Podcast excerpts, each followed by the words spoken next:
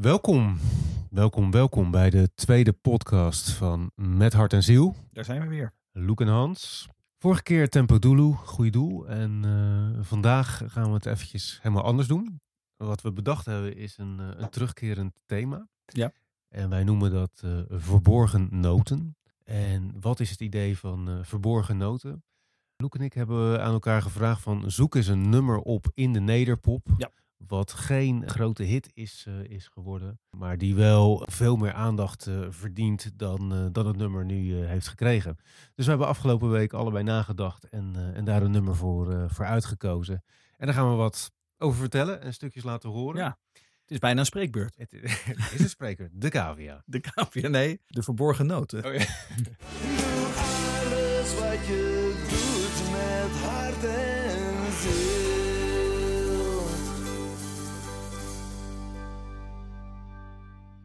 Eerst een klein introotje. Nou, natuurlijk niet een klein introotje, eerst een vraag aan jou.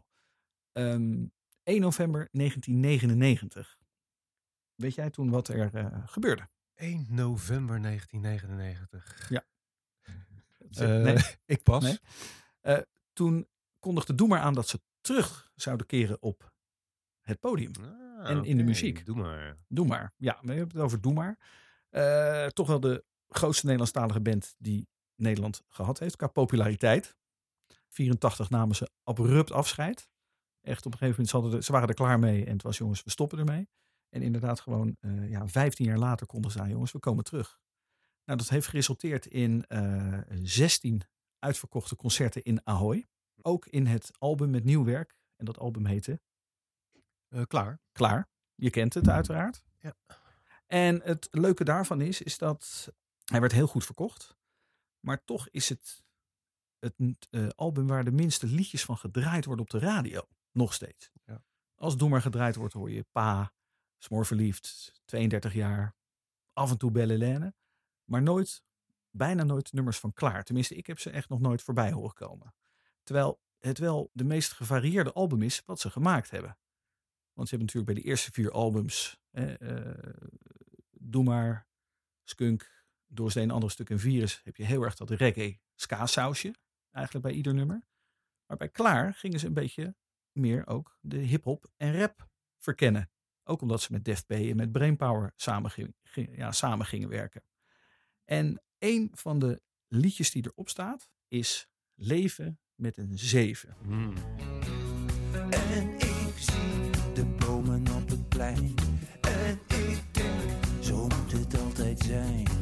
Het zal weer opnieuw beginnen.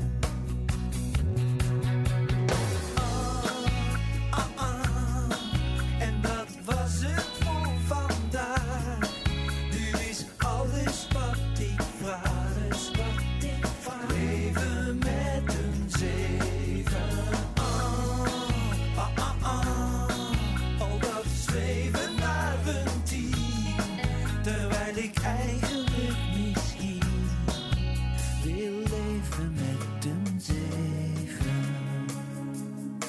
Maar vooral de thematiek van het nummer, daar wil ik het over hebben. Want leven met een 7. eh, eh, waarom zou je inderdaad eh, voor een 10 willen gaan als een 7 ook prima is? Het is een hele, heel relaxed liedje. Het is een lief liedje. Er wordt genoten van, van, van bomen op het plein. En van, van, van, van, gewoon van, van een goed boek en dergelijke. Het nummer is nou, dus uit 2000, want toen kwam het album uit. Maar eigenlijk zou ik dat een beetje willen verplaatsen naar de tijdgeest van vandaag. Want je had toen nog geen social media. Je had nog geen Facebook. Je had nog geen Instagram. En daar heb je een constante stroom van iedereen die, als ze wat posten, is het het beste eten, de beste vakantie, de beste vrienden, het beste feest, het beste uit. Alles is top. En daarom vind ik dat liedje zo heerlijk passen in een beetje in de gezond van deze in de, in de, in de geest van deze tijd. Van jongens, het, is, het hoeft niet altijd een 10 te zijn. Het mag ook een 7 zijn. Ja. Het is niet erg. Een 7 is ook een dikke voldoende. Wat ik mooi vind, dat vind ik wel typisch Henny Vrienden. Die thematiek die hij hier beschrijft, die zie je in veel meer, mm, vooral latere nummers, ook op zijn soloplaten wel, eh, wel terugkomen. Gaat niet over cijfers. Het gaat niet gaat niet over bezit, maar over wie voor jou het allermeeste telt. Het gaat niet over woede. Dat rustieke, het prettige sfeertje wat hij daar eh, neerlegt. Vind ik, eh, vind ik mooi. Zou dat de leeftijd zijn van Henny? Dat zou heel goed kunnen. Kan bijna niet anders. Ja. Ja. Ik wil dan toch even vooral de aandacht vestigen op het, op het, op het allerlaatste deel. Hier rechtsaf, de kapper op de hoek, mijn vers gekochte boek. De dag loopt hier voorbij. En vanavond, lang uit in mijn stoel, dit is wat ik bedoel. Geen wonderen ik heb nog één trivia vraag voor je. Mhm. Leven met een 7. De muziek is van Henny, maar de tekst is van iemand anders. Wist jij dat? Nee, maar hiermee hou je wel volledig opmerking onderuit van zojuist dat het een typisch Henny-tekst is. Ooit wel het boekje gelezen waarbij ik weet dat mensen hebben geholpen. Zou het van Jack Pools kunnen zijn? In één keer goed. Ja. Ik, ik, ik was aan het, een beetje aan het kijken naar dit nummer, de achtergrond. En ik wist het dus niet dat die van Jack Pools was. Maar ik vind het echt eh, Ja, het zou zo'n Henny Vrienden-tekst geweest kunnen zijn. absoluut, absoluut. Het is volgens mij, ja, het zijn ook generatiegenoten. Ik denk dat dat ook wel meespeelt. En ja, jongens, in Limburg is natuurlijk het leven sowieso een stuk relaxter dan in de Randstad. Hoger dan een 7 kom je daar ook niet natuurlijk. Nee, dat is, dat, maar dat is weer een heel ander verhaal. Waarmee we natuurlijk eh, al degenen die uit Limburg komen niet tekort willen doen. Maar Leven met een 7. Het is voor mij een nummer die echt voor mij een, een, een bepaald gevoel meegeeft waar ik heel erg van hou. Ja, je Nostalgie. praat erover alsof het een soort, eh soort lijflied van je is. Dus, eh, Ja, ik draai hem graag. Ja. Nog steeds. Hard zingend. Leven met een Ja, ik, ehm, ik heb voor een heel, eh, heel ander nummer gekozen. Ik heb voor, eh, voor dit nummer gekozen. Een koude wind gleed langs mijn rug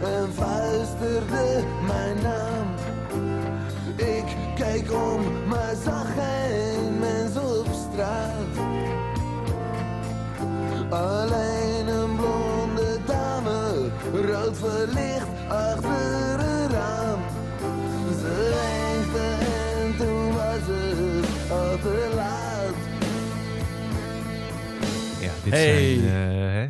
De drukkende keks. dit zijn de keks, drukkende keks met achterglas. Hele andere thematiek dan, eh, dan leven met een 7. Niet het rustieke, maar meer, eh, maar meer de zelfkant eh, van het leven eh, waar dit nummer over gaat. Het is een oud nummer. Het is uit, eh, uit 1985. Ik, eh, ik heb altijd wel, eh, wel veel met de keks eh, gehad.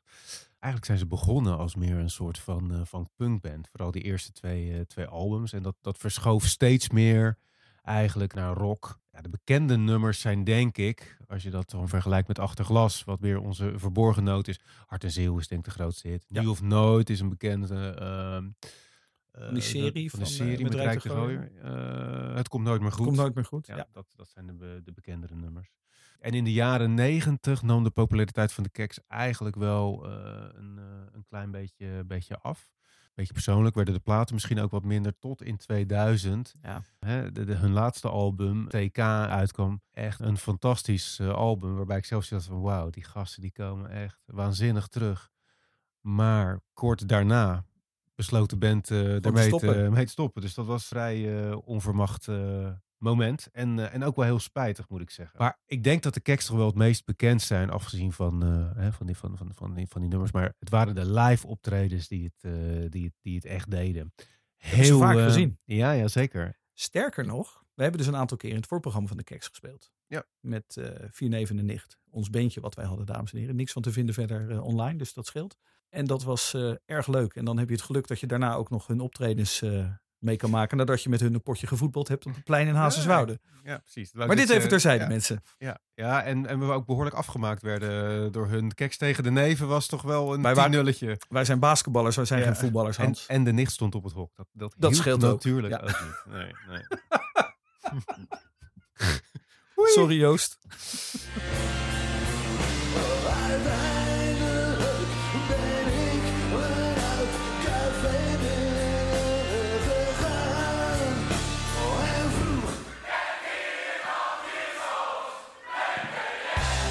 Ja, maar, die- die, live optredens waren, waren echt geniaal en zoveel eh, energie eh, daarin. En altijd het scanderen van het, eh, van het publiek, van de naam van de bassist Theo Veugelaars met de, met de rode baret. Die ook zelf de merchandise deed en waarbij de rode baretjes natuurlijk ook altijd, altijd verkocht werden.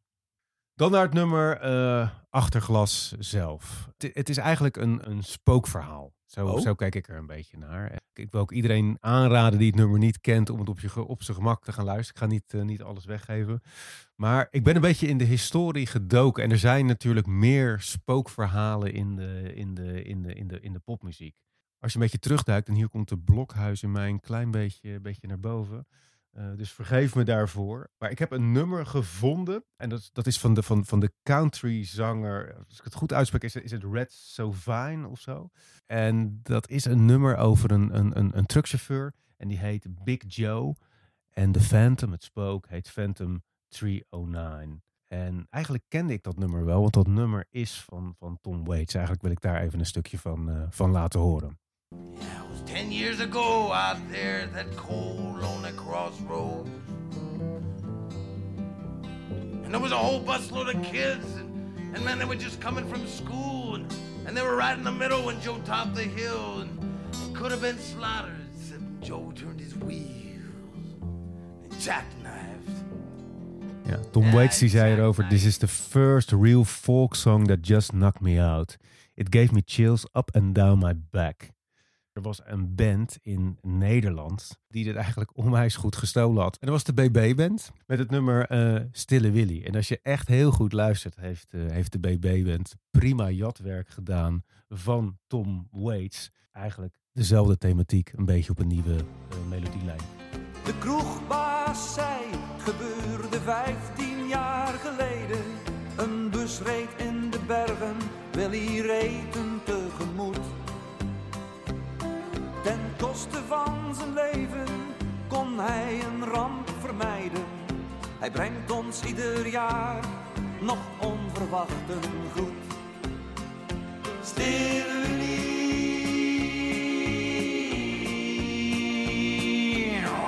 en dit is dus eigenlijk hè, van Tom Waits naar de BB-band. Het is, het is nogal een, eh, een stap. Hè? stap. eh. Van het vuige bruine café, doordrenkt van whisky en, eh, en zware check, naar gewoon op volle toeren met, met Giel Montagne. Maar de thematiek is hetzelfde. Vervolgens kunnen we weer de brug slaan naar de Keks. Want die, hè, als het vuige randje van de Nederlandse popmuziek, Mhm. die maakten het weer wel heel ruig. En die schreven vervolgens achter glas. En wat zij deden, zij veranderden de vrachtwagen in een bordeel. En de trucker werd een prostituee. Bleke Jet. Hè, die we net al hoorden Ja, ja. door het publiek eh, zwaar gescandeerd. Eh, een lied over een man die eh, op de wallen Bleke Jet ontmoet. En in de armen van Bleke Jet, nogmaals, ik ga niet alles weggeven, vindt hij wat hij niet zoekt. Zo kijk ik ernaar. Maar Vindt hij wat hij niet zoekt? Ja, ja, ja. Wauw. ja, ja.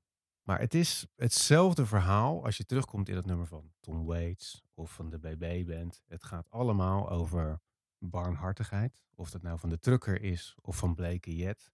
En de grens tussen leven en dood. Daar gaat dit nummer over.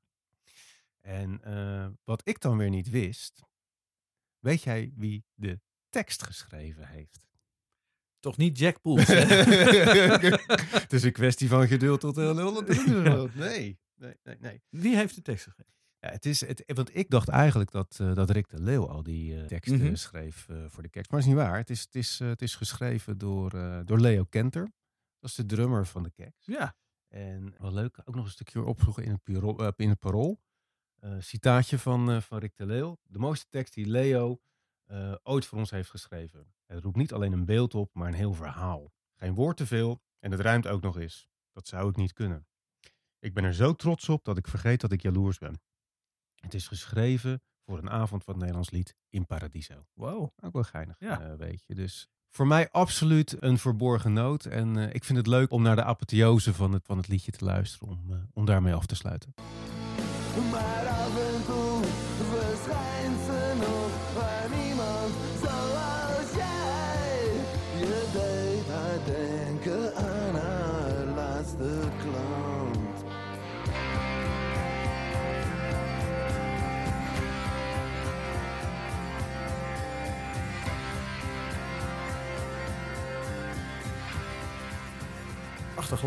Drukkende kerstelen. Ik vond lekkere keuze, Ger. Dankjewel, man.